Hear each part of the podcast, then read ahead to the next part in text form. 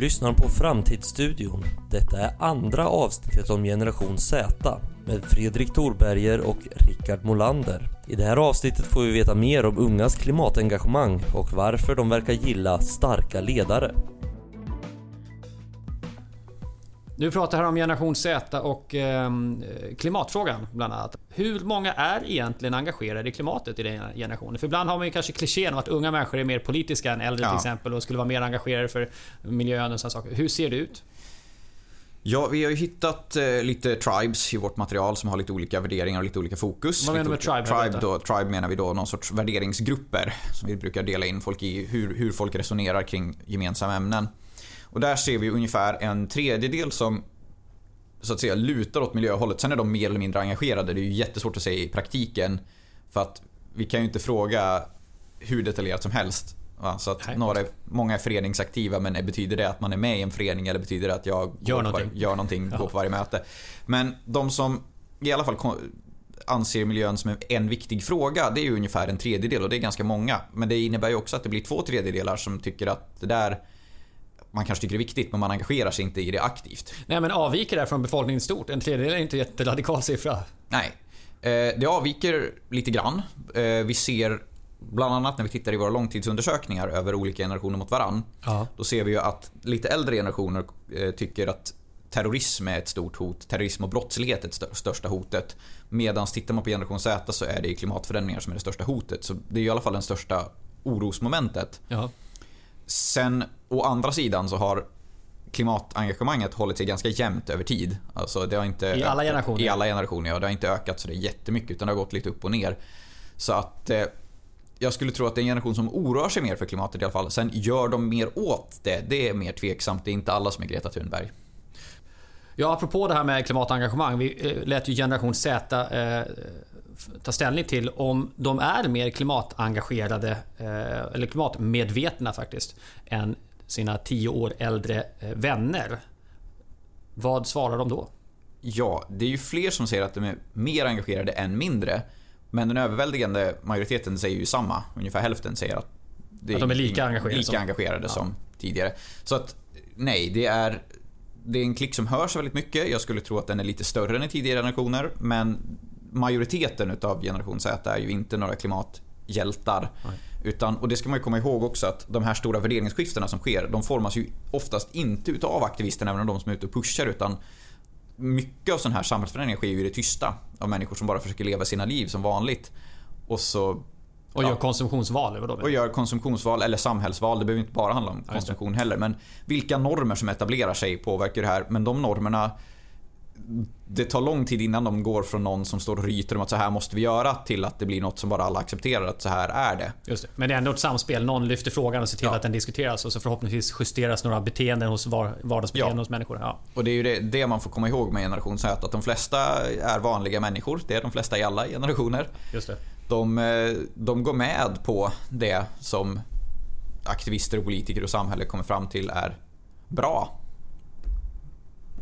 Ja, det, det, är intressant för min tolkning av unga människor också att de är egentligen mer beredda att bli styrda av politiken än äldre generationer. Ja, det tror jag vi har sett i våra undersökningar, rätta mig om jag har fel, men det har kommit upp, det är ju mindre, man efterfrågar fler förbud till exempel, Just det. tidigare generationer. Ja, och jag vet att vi har frågat också om man tycker att eh, eh myndigheter ska ha mindre inflytande i samhället så att säga, alltså staten och så. Då är också den trenden också att nej, det är man inte nej. alls eh, för. Utan det finns en väldig tillit till det. Ja. Och vi har ju sett också att det finns en, en sorts sug efter starka ledare. Och när man säger starka ledare så tänker folk direkt, aha, de gillar inte demokrati. Men det tycker jag man ska avväpna på en gång, för det behöver inte betyda det.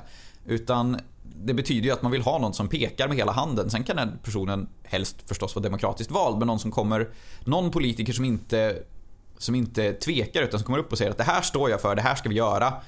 Hitåt ska vi. Mm. Och det finns en stor respekt för den typen av ledare, både på stor och liten nivå. Ledare som faktiskt vågar säga att så här tycker jag och tycker du inte så så behöver inte du vara med då. Men vi tycker så. Just det. Eh, så att man ska akta sig för att tror jag att starka ledare innebär att unga har tappat hoppet i demokratin.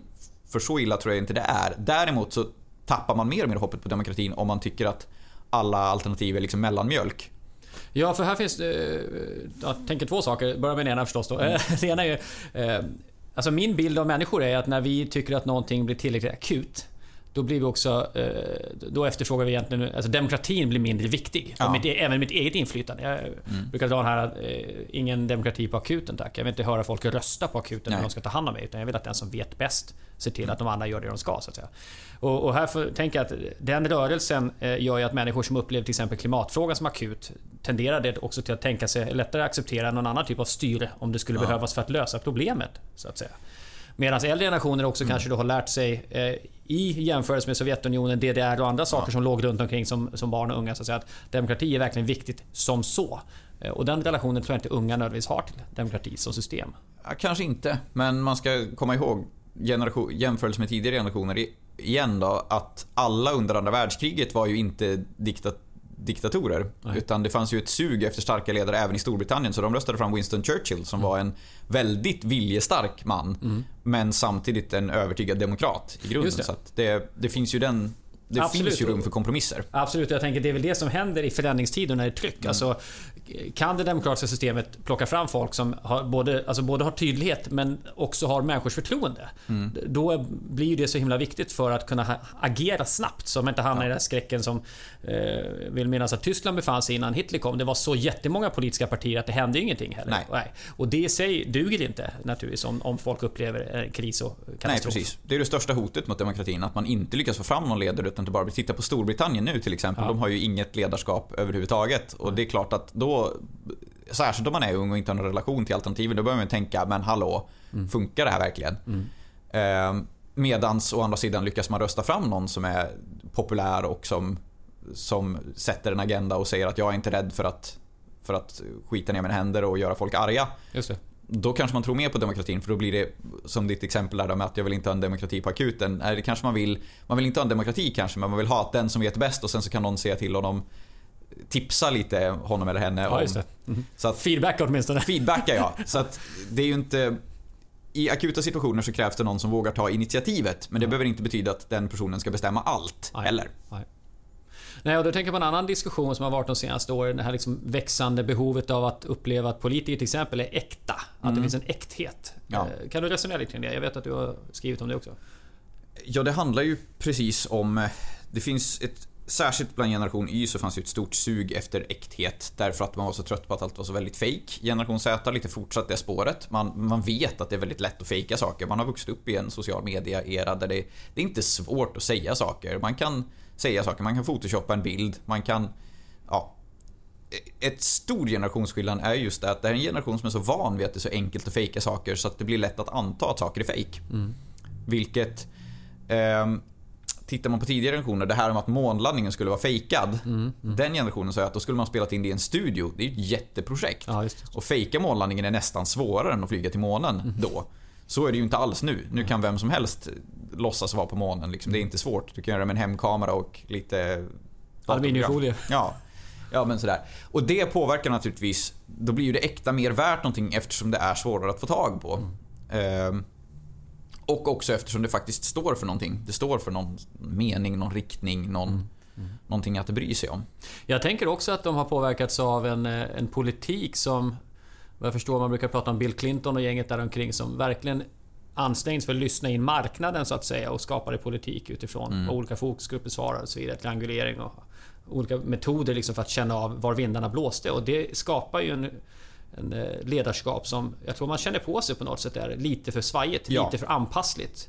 eh, I någon mening. Och där kan jag tänka mig också att man har en känsla av att det är ingen som är riktigt tydlig eller som tycks stå för någonting och vara beredd så att säga och politiskt dö för någonting om Nej. jag tar en väldigt hård formulering så att säga. Nej, exakt. Och där, precis där tror jag det här starka ledare ligger. Det En stark ledare är någon som faktiskt vågar säga att ja, men jag tycker så här. Och jag bryr mig inte om vad det står i marknadsundersökningen. Jag tycker faktiskt att det här vore bra. Ja. Och tycker ni också att det är bra, då får ni rösta på mig. Och tycker ni inte det, nej, då, då åker jag väl ut då. Hej, det var Fredrik här igen. Du som tycker det här är intressant och lyssnar på våra samtal ska naturligtvis se till att prenumerera på podden så att du inte missar när de kommer ut. Sen får du gärna hänga med och bli en Kairos Future Friend. Då får du våra nyhetsbrev och tillgång till en del gratis rapporter som man kallar ner från hemsidan. Men om inte det räcker, om du är ännu mer sugen på framtiden och bara måste få tugga i dig lite tyngre texter, då är det Kairos Future Club som du ska bli medlem i. Där får du en framtidsspaning 10 gånger per år i form av rapporter och seminarium i Stockholm och Malmö. Kom in på vår hemsida, ta kontakt med vår Helena på Kairos Academy så ses vi där. Ha det gott, hej!